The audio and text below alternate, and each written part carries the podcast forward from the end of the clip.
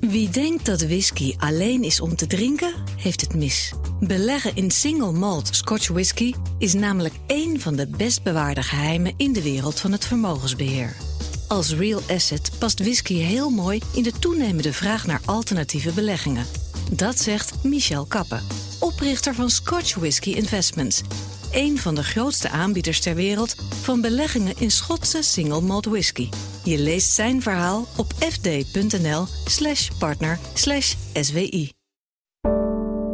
Een goedemorgen van het FD.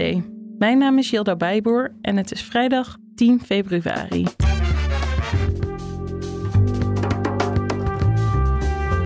Het reddingsplan voor Credit Suisse moet de bank saaier, maar ook veiliger maken. Niet meer het risicovolle concurreren met de, met de grote Wall Street banken om, uh, om beursgangen, om fusies, om overnames. De hoogte van de vermogensbelasting voor 2024 is bekend. En dat kan tot boze beleggers leiden. Dat heel veel uh, beleggers uh, zo meteen zien dat hun rendement in 2024 lager is dan verondersteld dat die naar de rechter zullen stappen. En dat de verkoop van nepvlees in een dipje zit, is niet alleen maar slecht nieuws. Dat de beste producten overblijven en de vieze producten blij te gaan.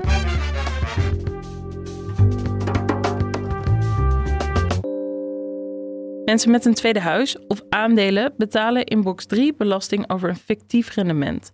Wat dat rendement voor 2024 wordt, dat maakt het kabinet pas rond Prinsjesdag bekend. Maar belastingredacteur Laurens Berense weet het nu al.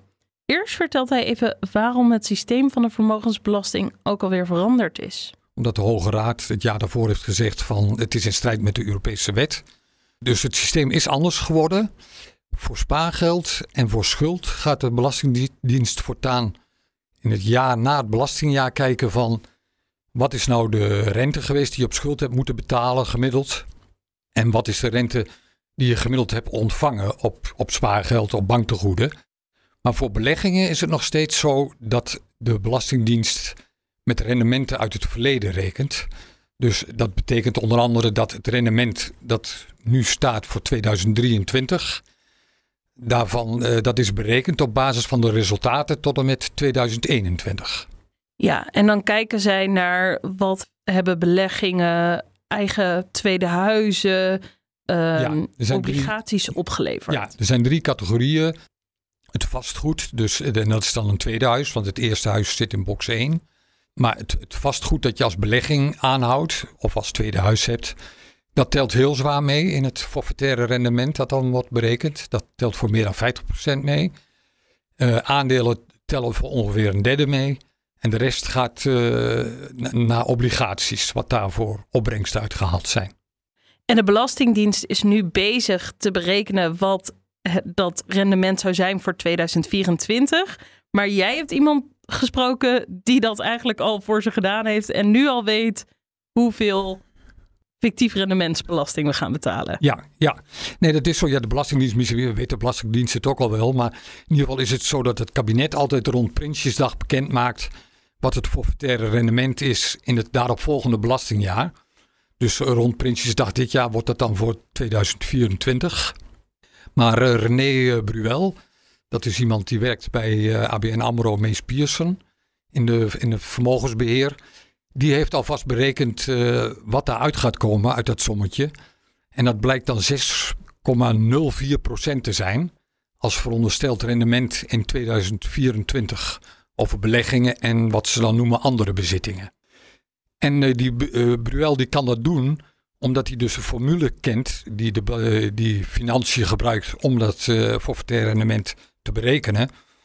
En de gegevens voor die formule zijn inmiddels allemaal binnen, want die gegevens gaan ja, tot en met 2022. En het laatste ontbrekende stukje in de puzzel dat hij nog nodig had, dat was de prijsindex voor huizen van het CBS, Centraal Bureau voor de Statistiek. Nou ja, en dat is onlangs gepubliceerd, dus nu heeft hij dat kunnen berekenen die Bruel die heeft eigenlijk ook meteen nog commentaar op hoe het nu berekend wordt. Die verwacht eigenlijk dat ook hier misschien mensen om naar de rechter zullen stappen. Ja, ja hij verwacht veel rechtszaken, want ja, hij zegt van kijk, het systeem is nu heel inconsequent geworden. Voor spaders wordt er eigenlijk vrij goed aangesloten bij de reële opbrengsten die ze op hun spaargeld hebben gekregen, omdat dat achteraf wordt dan een gemiddelde opbrengst vastgesteld. Terwijl bij beleggers ja, wordt gewoon vastgehouden aan ver van tevoren al berekenen wat eigenlijk je opbrengst zou moeten zijn. Maar de werkelijke opbrengst kan er heel sterk van afwijken. En dat is nou juist het argument geweest voor de Hoge Raad om te zeggen: ja, die heffing in box 3 die deugt niet, dat kan zo niet. Dus hij voorspelt dat heel veel uh, beleggers uh, die zometeen, zometeen zien dat hun rendement in 2024 lager is dan verondersteld, dat die naar de rechter zullen stappen. Kan natuurlijk ook andersom, hè? en dat erkent hij ook. Het kan ook best zijn dat 2024 een geweldig jaar wordt voor aandelen, voor vastgoed. En dat er bijvoorbeeld 10% rente of 10% rendement op die beleggingen wordt behaald. Nou ja, en dan ben je als belastingbetaler spekkoper. Want uh, er wordt maar gerekend met 6%.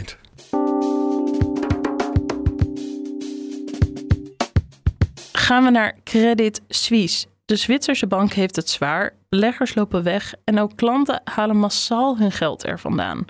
Dus zet het bestuur nu alles op alles om het tijd te keren.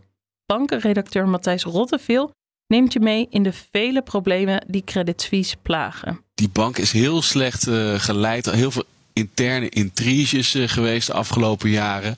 Op een gegeven moment was er zelfs een uh, CEO die zijn hoofdvermogensbeheer liet achtervolgen door een private detective. Niemand vertrouwde elkaar, maar dat, dat, is, dat zijn meer de interne zaken. Natuurlijk hebben ze ook problemen gehad met, uh, met de omgeving, uh, lage rentes.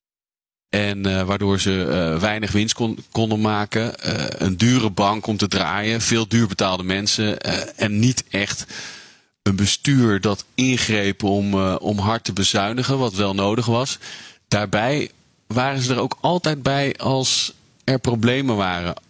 Is er een schandaal, dan kost het Credit Suisse wel weer een paar miljard. En alles bij elkaar opgeteld mag je een hele mooie naam hebben. Maar begonnen klanten het toch een beetje uh, heet onder de voeten te worden. En uh, dan gaan ze vertrekken. En dan kom je in een, uh, een negatieve spiraal terecht. Credit Suisse had al eerder aangekondigd dat ze met een reddingsplan zouden komen. En nu weten we een beetje hoe dat reddingsplan er moet uit gaan zien. Ja, ze hadden ehm, eind oktober vorig jaar, 27 oktober, presenteerden ze de cijfers over het derde kwartaal van vorig jaar. Daarvoor was het heel lang onrustig al. Uh, aandelenkoers daalde.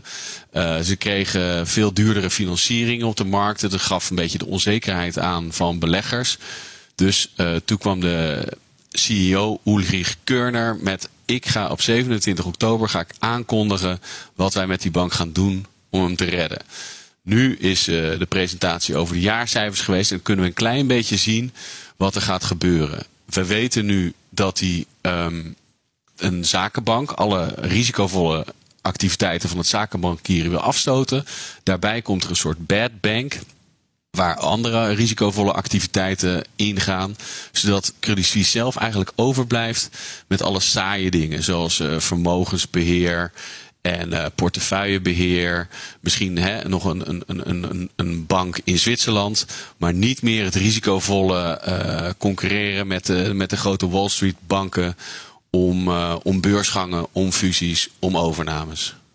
En die zakenbank die ze dus nu willen op gaan richten, die komt dan waarschijnlijk onder leiding van iemand die nu al in het bestuur zit. Maar ja, er zijn best wel veel mensen die daar eigenlijk vraagtekens bij zetten, toch?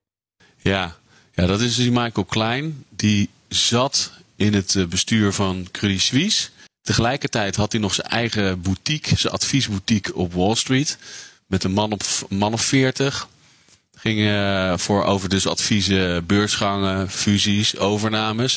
Er zat eigenlijk een beetje twee parttime banen. Hoe je dat doet is sowieso natuurlijk de vraag. Maar hij was bij Credit Suisse betrokken uh, bij het plan om die zakenbank uit te besteden. Die zakenbank wordt nu samengevoegd met zijn eigen privéboutique. Die wordt overgenomen door Credit Suisse. Krijgt hij dus 175 miljoen, of de aandeelhouders van, van die boutique. Nou, daar zal hij uh, de enige of de allergrootste van zijn.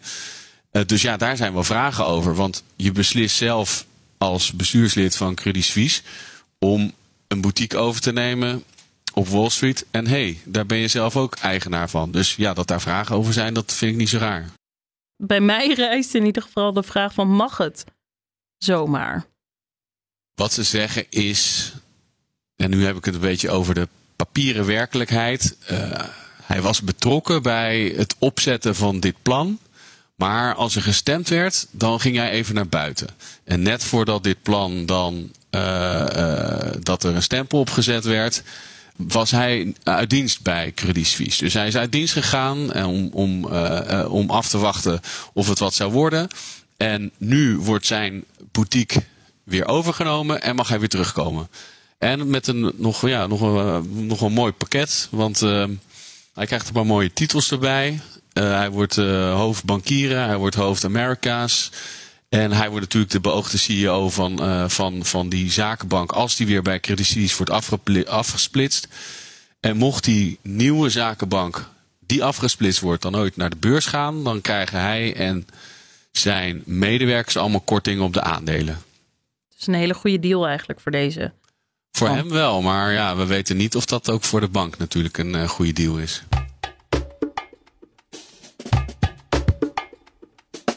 En dan, de opkomst van nepvlees leek niet meer te stuiten. Tot vorig jaar, toen de groei van de vleesvervangers ineens stagneerde. Algemeen verslaggever Lisa van der Velde volgt de markt al jaren en legt uit waar de stagnatie vandaan komt. Eigenlijk zijn er twee hele logische redenen daarvoor. En de eerste is inflatie. Alles wordt duurder. Uh, vlees trouwens nog veel meer dan vega. Dus daar zie je eigenlijk een nog grotere daling in het volume. Dus we zijn nog minder vlees gaan eten ten opzichte van vorig jaar dan. Ja, dan als je over vleesvervangers hebt. Ja, en uh, we kopen nu gewoon minder van beide, want we letten gewoon veel meer op wat we in ons mandje doen. Maar wat ook meespeelt bij die lichte stagnatie, is dat 2021 gewoon een heel gek jaar was met lockdowns, waarin er gewoon een run was op de supermarkten. Als je het daarmee gaat vergelijken, dan kom je al even snel slechter uit. Want in de horeca eten mensen veel meer vlees. En dus uh, gaat het dan de vleesvervanger niet zo goed voor de wind.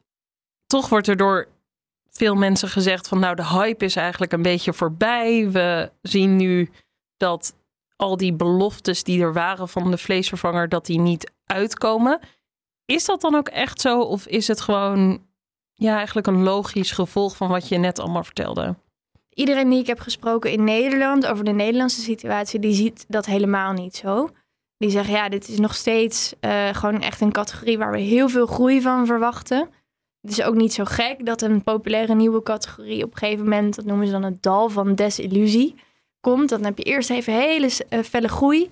Nou, dan, dan zijn er wat tegenvallers, wat hobbels. En daarna uh, komen er nieuwe productinnovaties en dan gaat die gewoon weer omhoog. Dat hebben we bij alcoholvrij bier gezien, bij plantaardige melk. En toen uh, bijvoorbeeld bij plantaardige melk kwam de introductie van havermelk. En nou, sindsdien uh, is het echt sky high. Dus eigenlijk verwachten alle experts van, dit is nu een kleine dip, maar het gaat echt wel weer omhoog. En die fabrikanten, maken die zich nou zorgen om die stagnatie, dipje, hoe je het dan wil noemen? Of denken die, dit is er nu even en de toekomst is nog steeds voor ons hartstikke mooi? Ja, ze zijn op zich wel heel positief over de markt. Op zich zou ik dat ook zijn in hun geval als, als ze een journalist aan de telefoon hebben. Uh, maar ze zien bijvoorbeeld ook de groei in het laatste kwartaal van vorig jaar, 2022, alweer aantrekken. Ze zeggen, dit gaat gewoon door en wij maken ons uh, nog geen zorgen. Waar ik me in hun plaats dan wel zorgen over zou maken, is het gebrek aan investeerders. Want je merkt gewoon dat nou ja, er sowieso min, minder geld in de markt en dat investeerders veel huiveriger zijn om te investeren in bedrijven die nog geen winst maken. Nou, in het geval van vleesvervangerfabrikanten is dat heel vaak zo. Die zitten nog erg in de opstartfase, veel innovatie. Dus ja, ik sprak ook een CEO van een vleesvervangerfabrikant en die zei ja, de honeymoonfase is echt voorbij. Uh, het is veel lastiger om aan groeigeld te komen en we hebben echt nog groeigeld nodig. Ook voor het verbeteren van de smaak, ook voor de marketing. Dus dat is wel een gevaar.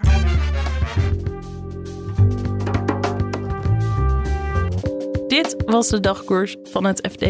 Maandagmorgen zijn we er weer met een nieuwe aflevering. Dit weekend kun je luisteren naar de week voorbij. Elvanie praat je daarin helemaal bij over de toekomst van de vakbond. Het laatste financieel-economische nieuws volg je in onze app. Nog een hele fijne dag en graag tot maandag. Wie denkt dat whisky alleen is om te drinken, heeft het mis. Beleggen in single malt Scotch whisky is namelijk één van de best bewaarde geheimen in de wereld van het vermogensbeheer. Als real asset past whisky heel mooi in de toenemende vraag naar alternatieve beleggingen.